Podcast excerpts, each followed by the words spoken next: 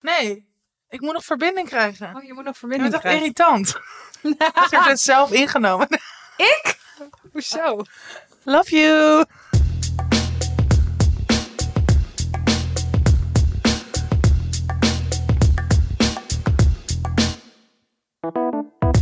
Dag mensen. Hallo. En welkom bij een nieuwe De Levensvragen van Tussen 30 en Doodgaan. Dat is een hele rare zin. Welkom bij een nieuwe De Levensvragen. Maar goed, het klopt wel. Welkom bij De Levensvragen eh, die jullie hebben ingestuurd. Eh, jullie zijn waanzinnig. Amazing. Amazing. Het is echt zo fijn dat eh, er mensen luisteren. En zodra wij een oproep plaatsen, dat er dan zulke slimme en gevarieerde en wel doordachte vragen binnenkomen. Ja. Ik blijf het zeggen, omdat ik, ja, ik vind dat toch wel heel bijzonder. Ik ook. En het is ook. Dit is denk ik ook waar die herkenbaarheid in zit. Dat zo, ik bedoel, wij herkennen ook heel vaak heel veel van de levensvragen, maar de andere luisteraars Ja. ook. Dus dat werkt gewoon heel goed. Net alsof je gewoon een soort praatgroepje met elkaar hebt. Ja, en ik weet niet hoe dat bij jou zit, maar ik heb wel vaak. Dan lezen we ze en dan ga ik er toch al even over nadenken. Dus eigenlijk ben je dan continu toch wel bezig met. Ik moet een boer laten. Goor. Ik deed toch wel mijn mond dicht? Oh, wacht. Allemaal niet gemonteerd, heel echt. Heel echt, ja, het is allemaal zo puur. Ons podcast Wij is zijn zo puur. puur. Nee, maar je bent dus dan toch wel bezig met een beetje zelfontwikkeling al. Ja. Continu. En dat komt door jullie. Dus wij worden betere mensen door de luisteraars van tussen Thanks 30 en- daarvoor. Ja, Eigenlijk zijn jullie gewoon onze psycholoog. Ja, Oké, we hebben weer twee goede mooie levensvragen. De ene is van Lola. Ehm, hoi, leuke vrouwen. Ik heb een probleem. Love de zomer, maar love mijn naaktere lichaam niet echt. Ik vind het vreselijk om in bikini in het openbaar te zijn. Maar ik bouw er ook van als ik weer eens alleen thuis zit, als het mooi weer is en mijn vrienden lekker gaan zwemmen. Hebben jullie tips om over mijn bikini-onzekerheid heen te komen? Oh. Oh, ik weet nog dat ik me zo voelde. En dat is zo kut. Want er kunnen heel veel mensen heel veel dingen tegen je zeggen. Van eh, dat je mooi bent. En dat iedereen in zijn eigen vorm. eh, je gunt het iedereen zo om zich goed te voelen. Ehm, Maar dat inderdaad, als je het zelf echt niet voelt, dan helpen dat soort ja, dan denk ik dat Complimenten oh, gewoon niet makkelijk echt. praten. Ja. Ja, Wat ik- helpt wel? Ehm, nou, ik denk wat er kan helpen is. Kijk, het gaat er gewoon om dat je een soort van comfortabeler en neutraler naar je lijf gaat kijken, hoe het er Mhm. ook uitziet.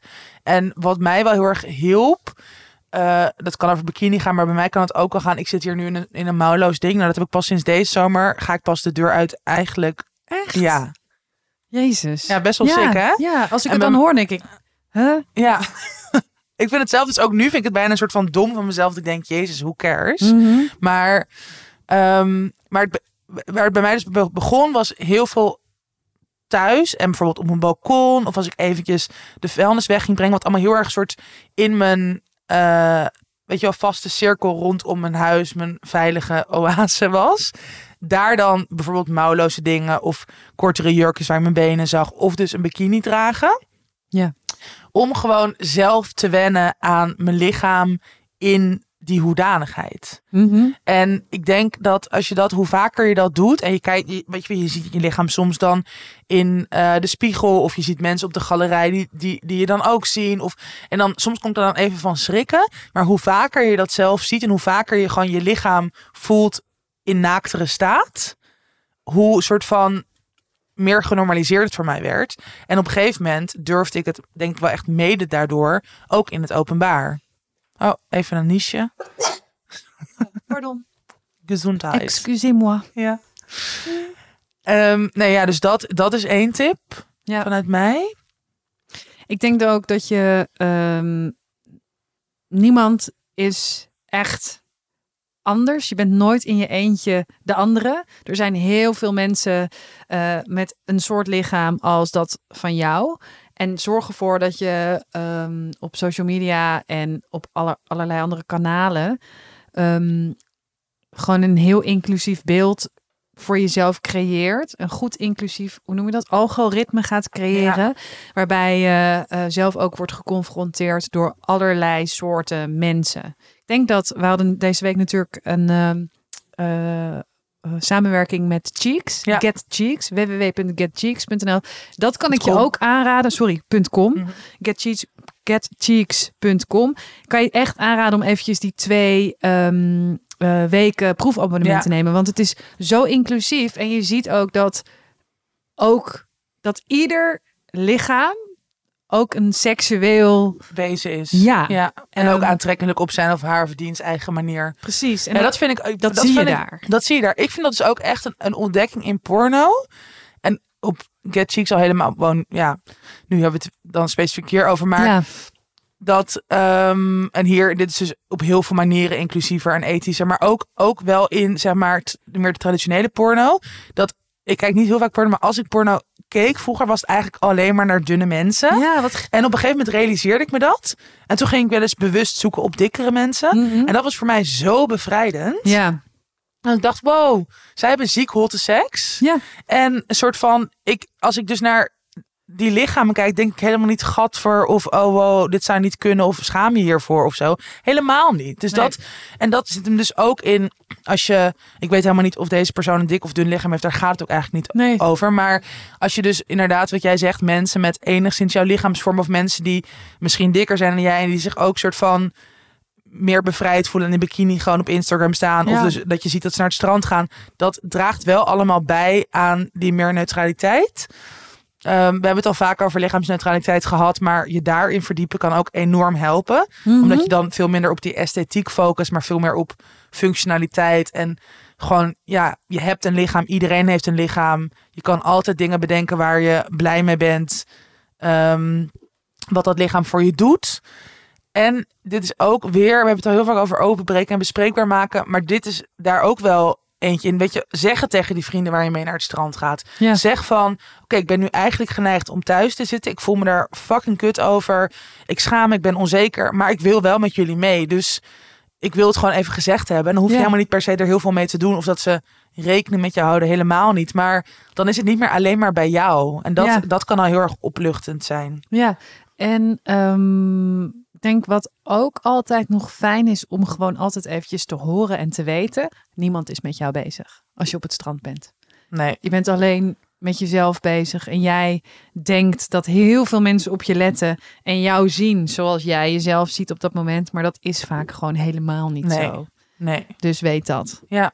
En ik bedoel soms wel, maar alsnog. Ja, Daar en ga ook- als de sodemieter naar buiten. Ja. Echt. Ja. Doe het het. is- ja, ik, ik heb echt ook zoveel. Ja, en, nee, ja. Ja. misschien ook, maar dat je zoveel momenten die gewoon waarschijnlijk fucking leuk waren geweest, waar je fucking erg had kunnen genieten, dat je die misloopt omdat je alleen maar in die schaamte en onzekerheid zit. Mhm. En dat is, ja, en nogmaals, dat is altijd makkelijker gezegd door iemand anders, maar het is wel zo echt een waste of time. Dus Ja. gun jezelf dit. En lees eh, het boek van Tatjana. Dank Knap voor dik meisje. Kan je gewoon eh, bestellen via bol.com. Ja. Nee. Show links in bio. Nee, grapje. Nee, kan te gek, hè? Altijd een boekhandel. Ja. Doei. Oh, oh, Oh, wacht nee, het gaat mis. Oh jee, het gaat mis. Oh. Ah.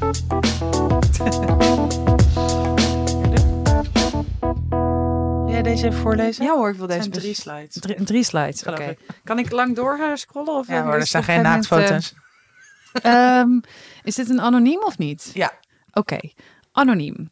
Ha meiden. Dit blijven we ook gewoon voorlezen. Ja. Ik sluit me allereerst even snel aan bij alle mooie woorden die jullie vaak aan het begin van deze levensvragen naar jullie toegeslingerd krijgen. Niks dan lof, hartje.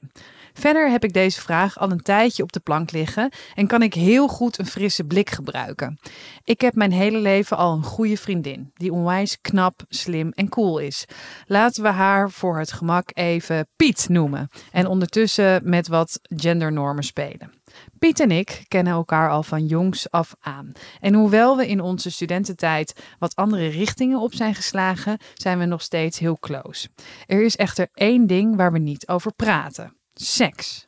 Ook al probeer ik soms wel wat van mijn escandalo juice. Hm, leuk woord. escandalo juice. Nee, wat grappig. Ja, ik ben, ik ben preuts, hè? Ja. Escandalo juice met Piet te delen. Ze is nooit heel erg geïnteresseerd. Daarnaast komt dat Piet zelf nog maagd is, wat best lastig is op deze leeftijd, 27. Ze date of zoent ook vrijwel met niemand en weet het gesprek hierover altijd af te kaatsen. Ik vind het lastig, omdat ik vind dat we hierover moeten kunnen praten, ook als ze voor zichzelf besloten heeft überhaupt geen seks te willen. Maar zeker ook als ze misschien nog met haar seksualiteit struggelt, op wat voor, of, Op wat voor manier dan ook. Ehm, nu heeft een gemeenschappelijke vriendin van ons laatst, toen ze allebei heel dronken waren, echt uit haar moeten trekken hoe ze zich hier nu echt over voelt. Piet gaf toen toe dat ze er eigenlijk heel emotioneel over is en dat haar seksleven niet bestaand is en ze zich er heel erg rot over voelt dat mensen dit niet met haar bespreken. Ook al snapte ze zelf ook wel dat zij dat niet altijd makkelijk maakt. Sindsdien, oh, sindsdien heb ik al een paar keer actiever geprobeerd hierover een gesprek te beginnen. Maar telkens laat Piet dat in de wind. Ik vind het lastig om te pushen, maar heb wel het idee dat het nodig is. Tegelijk wil ik niet over haar grenzen gaan en mezelf opdrinken. We drinken ook zelden samen. Onze quality time heeft vaak uh, een heel wholesome karakter. Wholesome. Wholesome. Wholesome. Wholesome. Dus een lamme hard to hard zie ik ook niet snel gebeuren.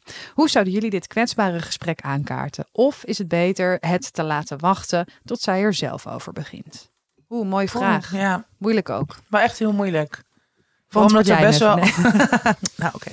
Nee, maar vooral omdat er dus al best wel veel pogingen zijn gedaan. Mhm. Of op verschillende manieren is geprobeerd het gesprek aan te kaarten. Ja. Ik zou denk ik op dit moment. Oké, nee, twee dingen. Ik zou misschien het heel toch wel direct zeggen van hé, hey, ik merk dat je als ik erover pro- begin te praten, dat je het uit de weg gaat. Of dat je Mhm. het afkapt. Of dat je. ehm, of is het zo dat je er niet over wil praten? Of wil je het eigenlijk wel, maar vind je het eng? Ja. Dat je dat onderscheid eigenlijk probeert uit haar ja, te trekken, is niet helemaal het goede woord. Nee, aan want aan ik, haar voor te leggen. ja, voor te leggen. Ja. Want juist inderdaad forceren is denk ik niet een goede. Maar dat je het gewoon heel plain en eerlijk probeert voor te leggen. ja. En je, je zou, en als ze dan hier weer niet op ingaat, dan zou je misschien met die vriendin die al wel met haar over heeft gepraat, kunnen kijken of zij het oké vindt dat je zegt van, ik hoorde van Hubbel de Pub dat jullie het hierover hebben gehad. ja. En dat het je best wel emotioneerde. En ik wil heel graag wel die vriendin zijn die het niet uit de weg gaat. Ja. Alleen, het is wel ook aan jou. Want Ja. inderdaad, jij kan in je eentje als vriendin, je kan het niet uit haar trekken. Je kan niet iets forceren. Als zij er toch eigenlijk echt nog niet voor klaar voor is in nuchtere staat, Mhm. dan heeft het misschien ook nog tijd nodig. Ja, nou, ja, ik begin een beetje in herhaling te vallen, maar ik zou haar sowieso een proefabonnement geven. Op cheeks, Op ja. die chicks, ja. op die get chicks. Ook omdat er dat hele educatieve deel en over hoe je over seks praat. En ook om die drempel over seksualiteit en erotiek en porno wat lager te, weet je, om het wat laagdrempeliger te maken. Ehm, je kan ook aan haar vragen, hey, eh, ik heb het idee dat je het vervelend vindt als ik over mijn seksleven praat. Is dat zo? Mhm. Ehm, dat zou een opening voor haar kunnen zijn om te zeggen: Ja, dat vind ik vervelend, want eh, dat. Maar dan weet jij ook een beetje waar je aan toe bent. En ook wat je wel of niet kan vertellen. En aan de andere kant denk ik ook. Het is ook aan iemand om grenzen aan te geven. Mhm.